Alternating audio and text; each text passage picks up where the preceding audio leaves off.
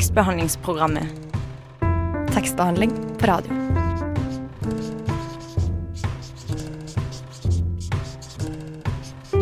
Tekstbehandlingsprogrammet.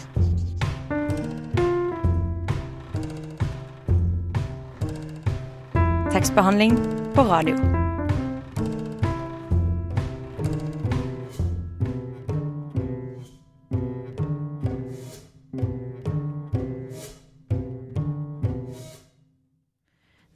Altså på tekstbehandlingsprogrammet på Radio Nova. I dag har vi fått besøk av ei som er journalist og forfatter av både skjønnlitteratur og sakprosa. Bak seg har hun bl.a. bøker som En såkalt drittjobb, Ettromsleiligheter, Et eget rom, og i høst kom hennes nyeste roman, Jeg nekter å tenke. Velkommen, Lotta Elstad. Tusen takk. Jeg tenker at vi bare går rett på sak, jeg, Ingrid. Ja, jeg er klar. Eh, Lotta, eh, Jeg nekter å tenke blir hyppig beskrevet som eh, en mørk komedie. Eh, hvorfor er det treffende, eller ikke treffende? Oi, eh, ja, godt spørsmål. Det er jo eh, en type ting man gjør i sånn markedsføringsstrategi, at man setter en liten tag på. Eh, dere er jo, eller Jeg har skjønt at dere ikke er litteraturvitere, men dere driver jo med et litteraturprogram. Så eh, jeg har alltid egentlig lurt litt på sånn Skriver man egentlig komedie om litteratur? Det er jo veldig sånn film... Eh, ja, typisk filmsjanger. Så eh, ja, jeg vil nok si at eh, det, stemmer, det, ja, altså det stemmer at det er en mørk komedie. Det er liksom ganske sånn eh, ja, hva skal man si, mye mørke i det, definitivt, og en del komiske elementer. Så jeg har jo hatt en ambisjon om å skrive nettopp det. Så det er jo fint at det blir beskrevet sånn, for min del i hvert fall, i og med at jeg ville det.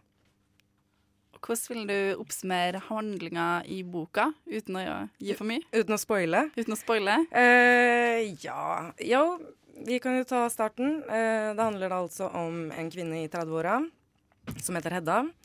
Hun eh, Det begynner med at hun går til legen eh, for å fortelle at hun er gravid, og hun ønsker da å gjøre en, som hun kaller det, en kort prosess, som er altså hennes måte å si abort på.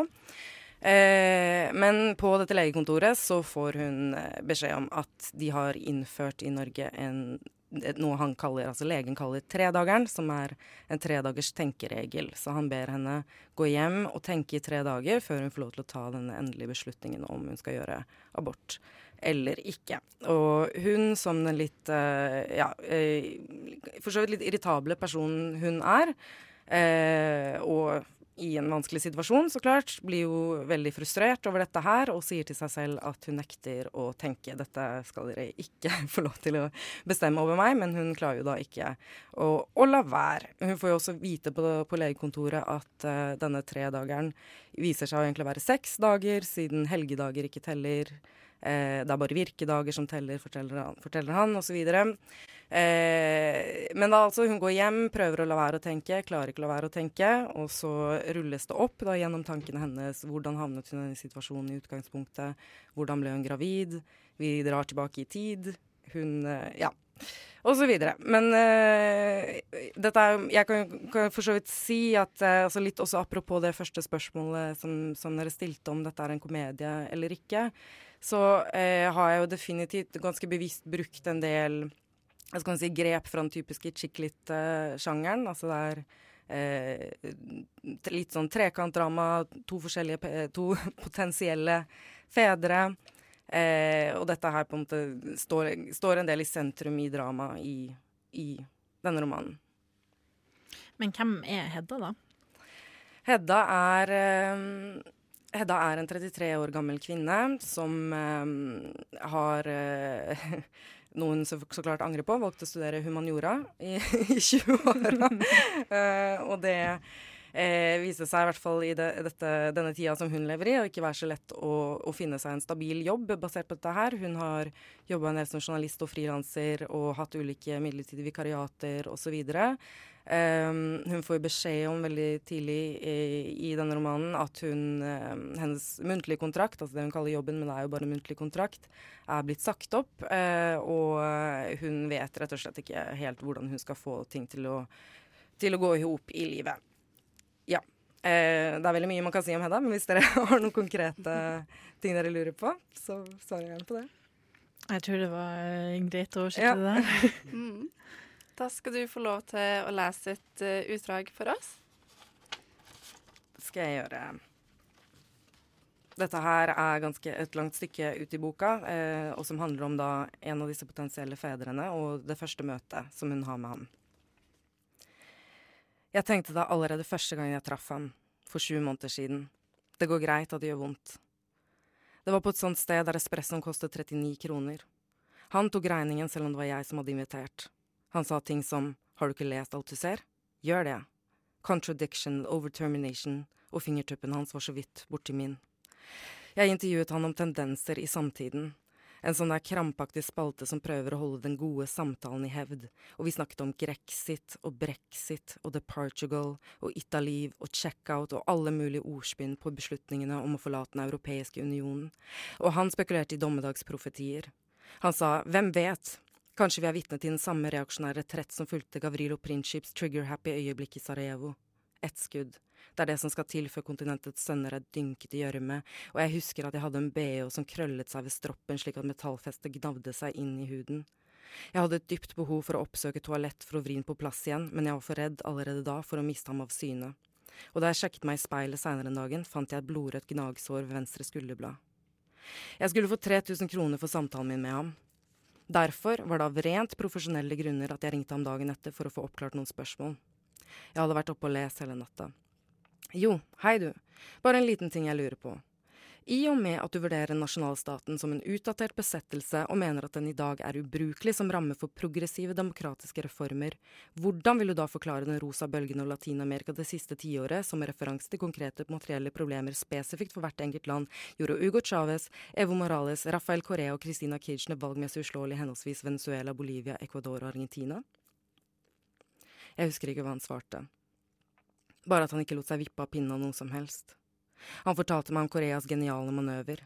Han nektet å betale en illegitim utenlandsgjeld, sørget for at gjeldspapirene havnet på billigbørs, og kjøpte så tilbake de samme obligasjonene til en latterlig lav pris. Det var som ballett når han snakket. Et konsentrert sentrum som holdt på plass alle resonnementer. Ingen orkan ville kunne blåse ham over ende. Han visste alt, han kunne alt. Han visste at Det gamle testamentet befalte gjeldsslette hvert tjuende år. Han visste at ni hvaler var blitt drept under innspillingen av Free Willy. Han hadde lest hele, ikke bare utdrag av The General Theory of Employment Interest and Money of John Maynard Kanes, og han visste at keynesianere er gode på å si hvordan ting bør gjøres, men det de derimot ikke er gode på, er å si hvorfor ting ikke gjøres slik de bør. Hvorfor den enkelte kapitalist eksempel ikke tenker så mye på hvordan man kan redde kapitalismen fra seg selv, men heller på bunnlinja, og det er her Marx kommer inn. Han visste hva han snakket om da han sa det vareproduserende arbeidets dobbeltkarakter. Han visste at Friedrich Engels hadde ringt Karl Marx i 1848 og sagt kom igjen, det er nå det skjer, og han ringte selvsagt ikke sin telefon først ble oppfunnet i 1876, dette visste han også, men vi kunne se det for oss, hvorpå Marx hadde hostet og kommet med dårlige unnskyldninger for ikke å bli med ut. Han visste at om lag hundre år seinere hadde maomeri og marxismen sammen med taoismen og slik laget maoismen, og at det var gjennom lesning av han at man virkelig forsto hvor østlig denne tenkningen egentlig var. Ja, hvor mye yin og yang det var å finne i Lenins utlegning om at dialektikk er læren om hvordan motsigelser kan være identiske, akkurat som motsigelsen er kjernen i zen-læren, som er en studie av tomhet, en praksis av tomhet. Å forstå zen er å praktisere tomhet som ikke må forveksles med ingenting. Nei, tomhet er ikke ingenting. Tomhet er noe, og ingenting er betinget. Det er en negasjon, og det er derfor filosofene heller omtaler det som ikke-væren. De snakker faktisk aldri om ingenting. Og forresten, apropos yin og yang visste jeg at ordet nothing var slang for vagina på Elisabeth den førstes tid. Han sa jeg kødder ikke, penis var thing, vagina var nothing, ganske sexistisk. Og jeg? Og hva forteller det oss om Shakespeares Much Ado About Nothing? Det var sånn jeg havnet i senga hans. Det har gått tre år hvis tida var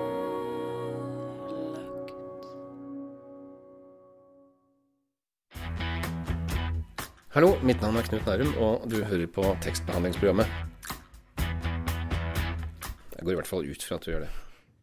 Det er helt rett. Eh, her i studio er jeg Stine Spjelkvik Hansen og Jeg, Ingrid Aas Hvitsten. Vi har besøk av Lotta Elstad, og vi snakker om hennes nyeste roman 'Jeg nekter å tenke'. Eh, boka Vi snakka om eh, det litt i stad, den liksom betegnes som en mørk komedie. Men den blir også liksom, betegna som politisk. Hvorfor det? Ja um, Nei, altså det er jo nok fordi at eh, altså det er jo abort som er et veldig sentralt tema i, i denne, denne boka her. Så, um, så det, det, er på en måte det åpenbare. Um, men det andre er jo at altså som bakteppe for, for historien Eh, så, så, har vi da på en måte et Europa i krise, rett og slett. Og de ulike spenningene som, som fins i Europa i dag. Eh, liten sving innom USA. Eh, og ja, Syria og Russland. Men eh, så, så, på en måte dette her kommer jo da fram gjennom eh, dialoger gjennom hennes, altså hovedpersonen sin lesning av, av nyheter, hennes eh, nyhetsfeed på Facebook osv. Så, videre. så Så den berører jo hele tida politiske temaer som er eh, ja, skal man si, aktuelle da, i dag. Så det er vel det som gjør den politisk. Og hvilken intensjon ligger bak det her? Ja, eh, også igjen veldig godt spørsmål. Altså, det er med intensjon. Altså, det er ikke alltid så klart man Det er ikke alltid man har det så klart for seg når man skriver. Men, men jeg tror nok at eh, på en måte en del av det som, eh, som driver meg når jeg skriver altså, nå jeg, Som dere også nevnte, jeg har jo jobba som journalist og, eh, og har skrevet også en del sak, sakprosa, altså som, som, politisk og dokumentarisk litteratur. Og, og jeg tror nok at en del ting som driver meg når jeg skriver, er nettopp nysgjerrigheten på verden og det å prøve å få rydda litt opp i, i de ulike liksom, politiske omtulter og begivenheter som, som, som skjer. Og eh, denne gangen så har jeg valgt å gjøre det skjønnlitterært, og det tror jeg er en av grunnene Altså en av grunnene til det er nok at jeg jeg har ikke klart å rydde ordentlig opp i det, for å si det sånn, på den måten som det kreves for å, eh, for å skulle skrive da, en, en, god analyse, en teoretisk analyse f.eks. av ja, jeg vet ikke, brexit, eller på en måte spørsmål om disintegrering av Den europeiske unionen, eller eh, Altså alt dette som skjedde i, i, i 2016, som var et veldig eh, Ja, altså et ganske begivenhetsrikt år, da, på mange måter. Og eh, nettopp når man skriver eh, en roman eller skjønnlitteratur, så, så, så, kan jeg jo gi plass til litt mer eh, motsigelser, og kanskje ikke lande helt.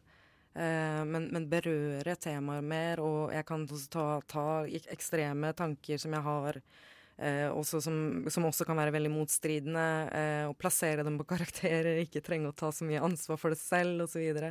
Altså at det er, det er nok kanskje en uro i meg som er grunnen til at, uh, ja, at jeg har, har, gjort dette her, da. Men det er jo ikke direkte en intensjon. Men, men det er jo ja, et slags forsøk på å bearbeide det som foregår rundt meg. Da. Hva var det som gjorde at den boka her ble til? Um, det, den pågikk en stund i hodet mitt, altså et par år før jeg, før jeg begynte å skrive. Da jeg, da jeg, begynte å skrive, så gikk, det, så gikk det relativt fort.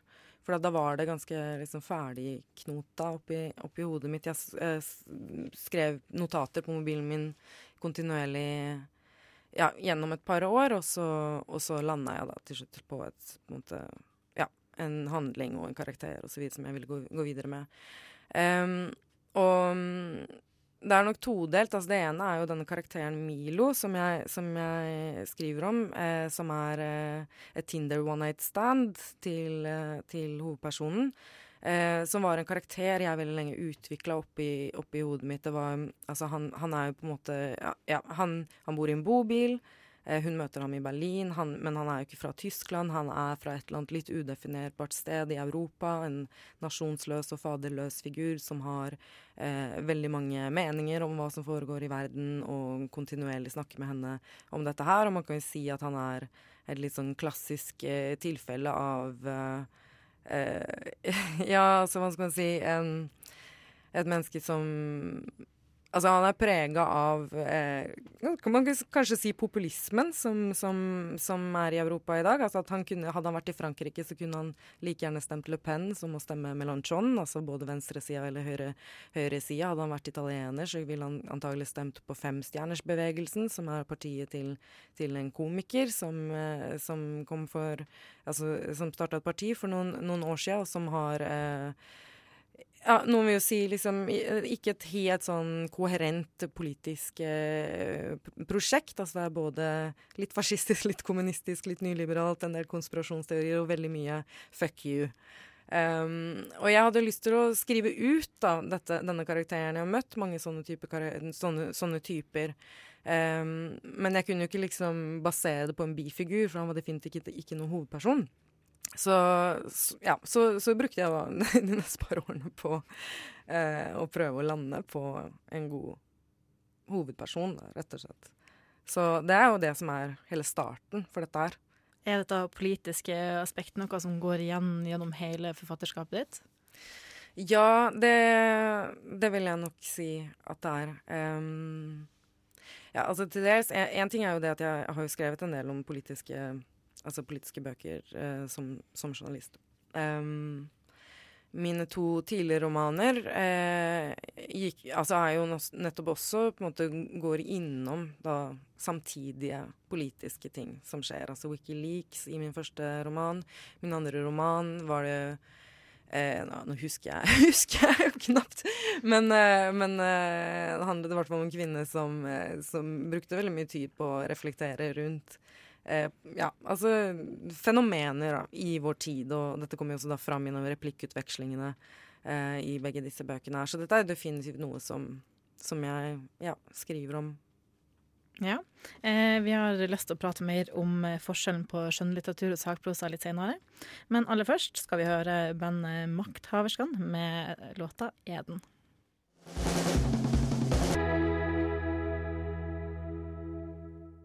Du lytter til Radio Nova. Eh, Lotta Elstad er fortsatt på besøk hos oss i tekstbehandlingsprogrammet. Eh, og Lotta, du er ikke bare skjønnlitterær forfatter, men også forfatter av sakprosa og journalist. Eh, du har skrevet en del essay og sakprosa som nevnt. Eh, hvordan er det annerledes å skrive en roman? Mm. Mm, ja. Det må jeg tenke litt på. Altså, det som er forskjellen Ja, det er, altså, det er, jo, det er jo liksom de åpenbare forskjellene. Det, er, eh, det som er så herlig med romanen, er jo at man kan jo bare finne på. Jeg har jo innført den her tredagersregelen, som jeg sa, i, i, den, denne romanens univers. Den ble jo aldri innført i Norge. Det var jo bare et forslag som var fra KrF i, i, i et, ja, Det var for et par år siden, jeg husker ikke akkurat når. Eh, og dette ble jo diskutert, det ble, men det ble definitivt ikke vedtatt på noe som helst vis. Det var jo Reservasjonsdebatten i 2014 var jo mye mer eh, på en måte eh, nært da, ved å bli vedtatt. Men, øh, men det Som romanforfatter så kan vi bare si at nei, dette ble innført, og så kan jeg lage da, en hel dramaturgi rundt øh, nettopp dette her. Um, som sakprosa eller journalist, sak, sakprosaforfatter eller journalist, så kan du jo så, så klart ikke gjøre det. Det er jo eh, Jeg husker faktisk at jeg var og vet, på, hørte på et foredrag av Isabella eh, Isabel Allende, eh, den chilenske forfatteren, for, for en stund siden. og Hun har jo også jobba som journalist.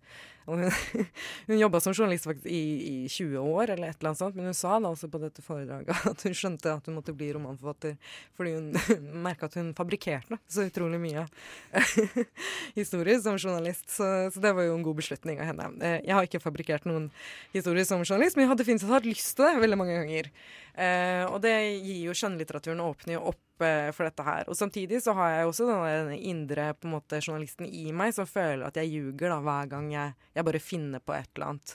Um, men ja, altså det er jo en, ja, en ganske åpenbar forskjell mellom å være Altså det er jo det her etterretteligheten som Ja. Du sa litt om det nå, men hvordan har eh, journalistbakgrunnen prega forfatterskapet ditt?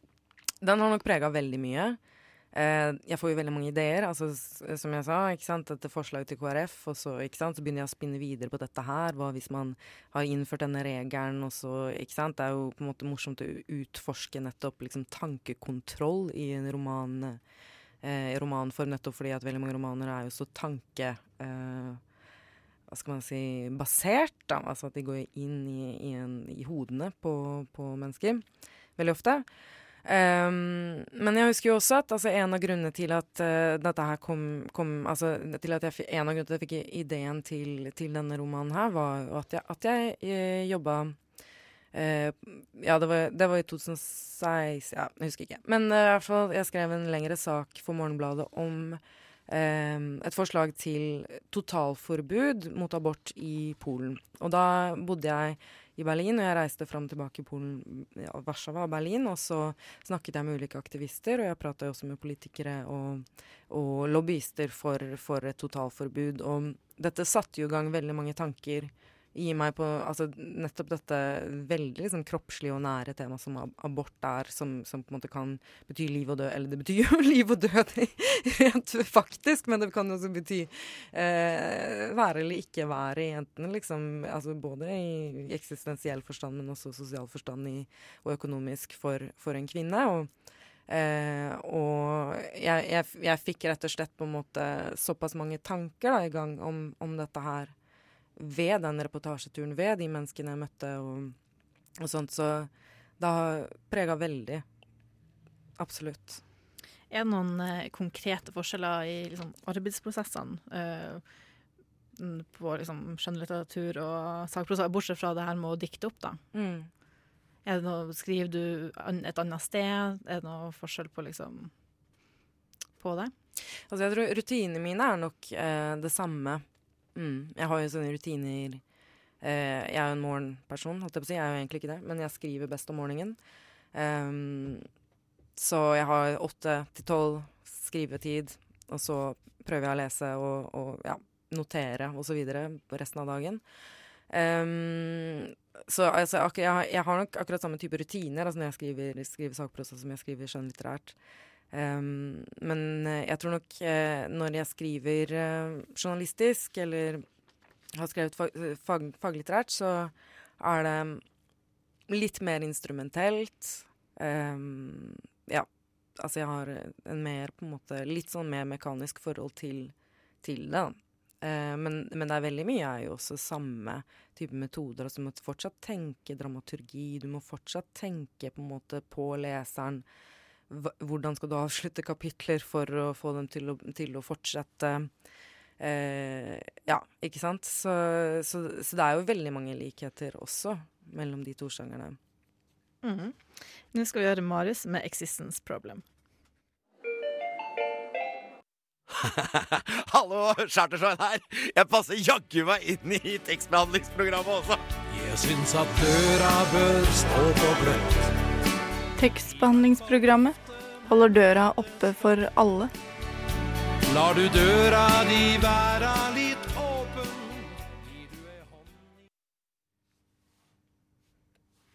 Ja, Morgenbladet skrev i sin anmeldelse av deg Elstad finner seg en plass midt mellom Vigdis Hjorth og Erlend Lo på kartet over samtidsforfattere med humor.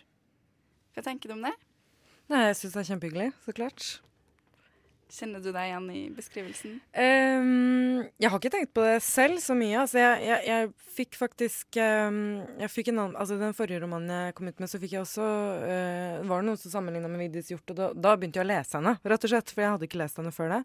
Uh, og ja, jeg syns jo det er et fantastisk forfatterskap, så det er jo bare, bare hyggelig for meg. For, absolutt. Ja, er det noen andre du liker å sammenligne deg med, da? Uh, nei, altså jeg driver nok ikke og sammenligner meg så veldig mye med Nei, det, det, klarer jeg ikke, det kan jeg ikke svare Jeg kan i hvert fall ikke komme med noe konkret uh, på det. Nei. Rollemodeller, da? Eller? Altså, jeg husker jo at jeg leste altså Det var en bok jeg leste en del uh, mens jeg skrev. Um, det var litt fordi at jeg at jeg, at jeg, at jeg syns på en måte oppbygginga var Altså, det, det, var Fight Club med Chuck Palahniuk som kom ut i, okay, på slutten av 90-tallet, gjorde ikke det? Ja. Uh, det ble også lagd en film. Uh, basert på den. Um, og jeg, jeg, jeg, tror jeg leste den litt for å få på en måte inspirasjon til her å kunne skrive en ganske stram uh, fortelling med utgangspunkt i en irritabel karakter. Uh, den, den, boka handler jo om uh, en mann, også i 30-åra, som lider av insomnia og blir på en måte rammet av livet, kan man si. Altså han, eh, det hele starter jo med at uh, leiligheten hans brenner ned, og han møter en, en spesiell uh, figur um, på, på, flyet, Eh, som han ender opp med å bo med. og jeg har, har, nok liksom latt meg inspirere en del der, altså med på en måte den herre eh, møte med på en måte eh, et, annet, et annet menneske som, som lever livet på en helt annen måte. Altså Hedda eh, møter jo da Milo og ender jo opp med å bo med ham. Eh, han er en slags nomade, eller eh, Ja, altså Lever fra hånd til munn, har veldig mange forskjellige måter å, å overleve på. Og hun har da havna i denne situasjonen hvor hun ikke har noen penger, og blir da litt avhengig av det. Men hun på en måte er jo ikke helt komfortabel heller med den livsstilen som, som, som, som det innebærer å skulle bo med ham. Eh, men da nettopp det som oppstår da i møte mellom to såpass forskjellige typer, eh, det, det var én ting som jeg som jeg på en måte Jeg lot meg inspirere da særlig av, av Fight Club, for eksempel. Da er det veldig mye annet som skjer i den boka òg, men det trenger vi ikke gå inn på. Nei, eh, hvordan, eh, hvordan kan du skrive eh, liksom, morsomt om alvorlige tema?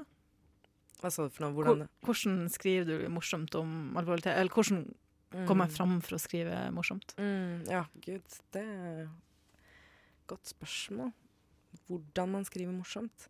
Altså, det er jo veldig mye i livet som er veldig morsomt, og jeg tror kanskje um, Det var vel Jeg hadde en eks som sa det til meg, at uh, for at det skal være morsomt, så må det være sant.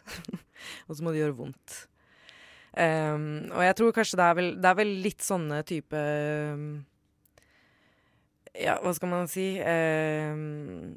Altså Ja, ting man kan på en måte ta utgangspunkt i. Da. Altså at det er det, det er, skal være litt smertefullt for at det skal også kunne være gøy. Og det å kunne le av ting som er smertefullt, er jo også på en måte en veldig viktig overlevelsesevne. Um, men akkurat hvordan man går fram, altså det er jo eh, Ja, jeg vet faktisk ikke oppskriften på det. det du får prøve deg fram, og så får du vise noen og se om de ler eller ikke. Hvordan syns du boka har blitt tatt imot? Nei, jeg er fornøyd med, med mottagelsen generelt. Det har, vært veldig, har vært veldig mye oppmerksomhet rundt altså akkurat i, det den kom ut. Um, så jeg syns også det har vært en del interessante lesninger, både fra de som altså, har vært positive nå, og de som har vært negative. Um, og så, så er det jo gøy på en måte med å få tilbakemeldinger fra folk rundt den, og, og få mailer og, og meldinger og sånt av, av lesere. Så, så ja, det har vært, vært veldig, veldig fin opplevelse på meg. Nå skal vi over fra anmeldelser til en sang med et ganske rart navn. Her kommer danske Bisse med 'Legeavtale 17.8.97'.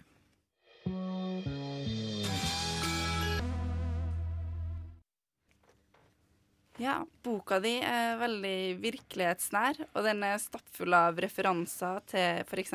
filosofer og andres tekster. Hvilken research har du gjort uh, før du satte i gang? Jeg tror kanskje, jeg har ikke gjort så mye konkret research til altså sånn, at jeg har liksom, Nå skal jeg skrive den boka, da gjør jeg research til den boka, og da leser jeg de. Altså, så det, er, det er jo mer eh, på en måte, ting jeg har lest fra før, eller, eller liksom ja, blitt gjort oppmerksom på fra før. Og, og jeg er jo en person som noterer veldig mye. Altså jeg, jeg kan lese noe, få en tanke, skrive et lite avsnitt osv. Så, videre, så Ehm, så det er nok mer uh, sånn. Altså, og, så, og så etterpå har, har dette liksom blitt liksom plassert inn, inn, i, inn i romanen. Um, og veldig mye har jo så klart ikke det. Det er jo masse dokumenter som ikke brukes på dataen min. Um, så ja. Men det er jo mer sånn hvis man eh, Ja, i det liksom Når jeg begynner å gå inn i et eller annet tema, eh, og f.eks. skal på en måte trenger et resonnement, at en karakter eh, skal ha et resonnement på et eller annet, så gjør jeg jo research. Altså jeg leser meg jo bare rett og slett opp på, på det temaet. Så jeg, det, det styres mest, mest av det, da. Nå var du jo litt inne på det, men hva er det som inspirerer deg som forfatter, eller hva er det som gir deg lyst til å skrive? Mm, ja, det er litt som jeg var inne på tidligere også. Så det er jo da eh, Møtet med virkeligheten høres utrolig teit ut, men, eh, men, det, men det er jo det. Altså, det er sånne ulike episoder, opplevelser jeg har, samtaler jeg har, ting jeg hører om, ting jeg ser på nyhetene, eller altså eh, ting som skjer der ute i verden, rett og slett. Altså, du spurte meg litt om måte, rollemodeller og annen litteratur som, og, og hvorvidt jeg var inspirert av det. Jeg er jo definitivt mest inspirert av det som bare foregår rundt meg. Så mm, Har du et konkret eksempel på en situasjon som liksom virkelig har uh, fått skrivekløa liksom, til å sette i gang? Oi, på stående fot. Uh, jeg, jeg, sa jo for så vidt det tidligere om det med altså den reportasjeturen som, som, jeg, som jeg, var på, da, ikke sant. Uh, altså i, i Polen. Um, men det er jo også altså, Milo er jo på en måte Altså karakteren Milo, som er veldig sentral, han er jo på en måte eh, kom, kommet til. Altså, han er ikke basert på én person, han er basert på mange personer som, som jeg har møtt, og jeg også på en måte lagd et helt eget uh, menneske eh, av meg selv. Men, men jeg eh, Ja, men det er men det er rett og slett det, da. ikke sant? Ting som kan irritere, ting som kan sette tankene i gang. altså Ting som er underfundige, absurde ting. Um, mm. Og så kan jeg tenke aha, ja, dette her kunne vært gøy å putte i en bok, rett og slett. Men når du har blitt inspirert og fått en idé, hvordan er det du satt deg ned og begynner å jobbe med den da? Eh, for å skrive en bok, mener du? Altså når jeg Ja. Mm, nei, altså mm, det er, ja, det er det her med inspirert, ikke sant. Det er, eh, det er som man sier, at man skal jo ikke vente på inspirasjon, man skal løpe etter den. Um, ja, jeg har jo da dette lille Jeg hadde jo et lite sånn app som het Evernote eh, på, på, mobilen min. Den har jeg klart å glemme passordet til, så jeg finner jo ikke fram til notatene mine. Men altså, der står det jo da masse notater, jeg har ulike mapper. Um, ja, ikke sant. Eh, ideer, romaner, scener osv. Absurde ting som, som, jeg kommer over, og så skriver jeg det ned, og så Ikke sant. Um, og så, så, så, ligger dette her, og så liksom fylles det opp da ulike ting i disse ulike mappene. Um, men så når jeg setter meg ned og skal skrive, så er det jo rett og slett rutine. Altså da, da er det jeg, jeg, skal jobbe fra da til da, og så skal jeg på en måte ha noe klart fra, på dette tidspunktet. Og så hjelper det jo veldig også å jobbe med en redaktør, så klart, for da får man jo eh, på en måte kontinuerlig noe å jobbe opp mot en, leser som skal, skal være der for deg. Så mm. Og før vi sier tusen takk for at du kom, så har jeg et sånn klassisk avslutningsspørsmål. Eh, har du noen nye prosjekter på gang? ja, jeg har et veldig uferdig, uferdig prosjekt eh, som jeg skal sette i gang med om noen måneder. Så det er foreløpig bare oppi hodet mitt. Ja, Er det hem hemmelig, eller noe? Ja, det er hemmelig. Men eh, kanskje noe politisk? Det blir det sikkert, for det blir alltid det. Jeg klarer ikke la være. ja. Eh, tusen takk for at du kom på besøk til oss i dag, Lotta Elstad. Eh, Nå skal vi høre Åsen med 'Lørdag'.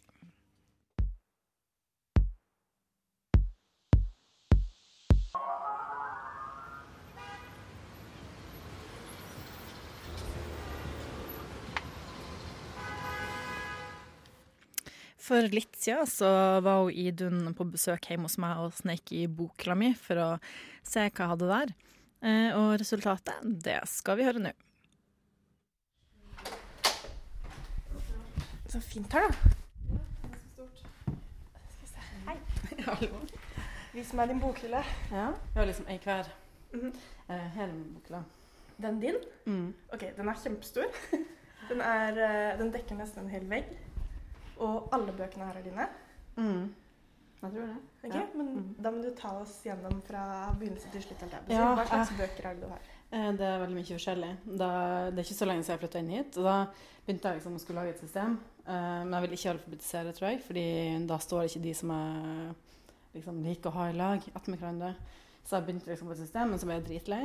Og slutta med det, så nå står det veldig tilfeldig, bortsett fra Eh, her så er tegneserier og litt barnebøker. Her så er litt sånn bruktbøker, kjøpt på loppemarked sånn. Tilfeldig krim som jeg ikke har lest og ikke kommer til å lese. Eh, her har vi dikt og sånn. Mm -hmm. Litt barnebøker som ikke fikk plass i barnebokhylla. Litt lenger ned så står de bøkene som jeg liker best. Og kanskje litt her òg, men det er ikke noe system. Det var det liksom jeg ville ha de som ligna litt attmed hverandre. Jeg trodde liksom at jeg hadde eh, hadde litt plass, og at jeg kunne liksom ja, fylle på uten at det skulle flytte over. Men det hadde jeg åpenbart ikke. Man skulle jo tro at du hadde litt plass, med tanke på hvor stor den bokhylla her er. Ja, det er to sånne billige bokhyller, sånne vanlige fra IKEA. Altså det er ei lita smal, og så er ei lita brei. Ja, Så mm. hvis vi skal anslå sånn cirka, hvor mange mm. bøker tror du at du har her? Jeg vet ikke, jeg prøvde å telle en gang, men uh, jeg tror jeg slutta. Fordi eh, Ja. Jeg vet ikke hvor mange plass det er på i hylla, da. 16, 18 Ja, hvis det er rundt 20, da kommer det litt an på. Da er vi godt over 200. Uh, ja. Det, det var veldig tungt å bære dem opp, altså. Det Kjempetungt. For du har altså ikke heis og bor i er det tredje etasje? Mm, ja, tredje. tredje.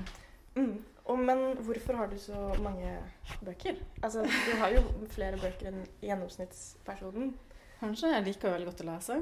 Eh, og så har jeg en del fotobøker og litt andre typer bøker som jeg liker veldig godt. Og jobber i bokhandel og får eh, god pris i tillegg til litt gratis. Så det hjelper jo på en måte ikke på å prøve å ja, beherske, liksom. Eller ja. Ikke få for mange. Eh, Er du en sånn som sliter med å kutte deg med bøker? Ja. For det er jeg. Mm, veldig.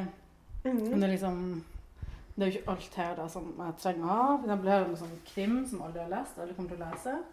Eh, Jørn Horst og Ingvar Hva han heter Jonsrud. Liksom, som jeg bare har fått, som jeg ikke vet liksom helt hvor det kommer fra, eller hvorfor jeg har. Som er helt unødvendig å ha. Tar opp plass. Eh, og så er det noen bøker som jeg har flere av. Men uh, hvis det er en bok som du vil at folk ikke skal se, som du er litt flau over at du har Mm. her, er det en eh, Eller noe du Ja, det er jo den krimmen, da, men så er det kanskje den Coelho og hva den heter. Eh, Alef. Den har jeg fått hos mamma. Som ah, Jeg syns det er litt flaut. Men hvorfor er det flaut? Nei, det er litt sånn klisjé, litt sånn gammel kjerringaktig, er det ikke det? Og så har jeg også noen eh, hva heter det, Girl Online og Zoe Sugg, sånn YouTube-stjerne, Ja. eh, som også er litt flaut. Men hva med, hvis jeg går i motsatt ende, er det noe du eh, er stolt av, eller en bok du er ekstra glad i? Ja, her er det en sånn spesialboks med Max eh, Michael-Tert-offensiven av Johan Narstad. -hmm. Han er vel kanskje favorittforfatteren min, eller hva for det. Jeg skrev om hva heter det, ikke særemne, men sånn tilsvarende Mhm. på ungdomsskolen Nei, var det ungdomsskolen? Det kan ikke ha vært ungdomsskolen. Kan det? Jeg ser at Knausgård-serien, altså Min kamp, at de, Ja. eh, de stikker seg så litt ut. Og det er jo fordi de er så sortert og fine. Ja, det er helt krise hvis ikke de står på samme hylle. Jeg hadde Ja. alfabetisert eh, der jeg før en liten stund. Det var helt krise, for da fikk de akkurat ikke plass. Ja, ikke sant? Så da måtte jeg liksom sette de andre bak, selv om det var feil i forhold til alfabetet og sånn. Men er du glad i Knausgård? Det Ja, jeg liker det veldig godt. Jeg har ikke lest hele, hele den serien. Jeg kom til bok tre. Eh, men jeg liker veldig godt, egentlig. Jeg liker egentlig beste essaysamlinga nesten. 'Sjelens Amerika'. Den syns jeg er kjempefin. Mm. Da tror jeg vi skal si uh, ferdig. Vi Mm. sier takk for at du viste meg din bokhylle. Ingen årsak. Det er så sjukt jævlig å høre sin egen stemme. Jeg glemmer det mellom hver gang, og har liksom blitt vant til det, men det var helt jævlig. Beklager på Ja, unnskyld. Det var skikkelig ille. Eh, men eh, det var alt eh, vi hadde for i dag. Ja, og så må dere huske å følge oss på Instagram. Der heter vi Tekstbehandlingsprogrammet, og det samme på Facebook. På Soundcloud tror jeg vi heter Tekstbehandlingsprog. Noe sånt. I studio i dag var det meg, Stine Spjelkavik Hansen. Og meg, Ingrid Serine Hvitsten, og tekniker. Joakim Foss Johansen. Hør oss eh, neste uke, samme tid, fremdeles på Radio Nava. Ha det bra. Ha det.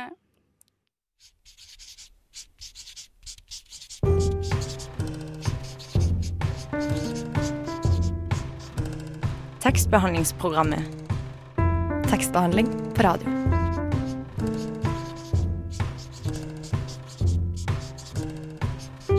Tekstbehandlingsprogrammet.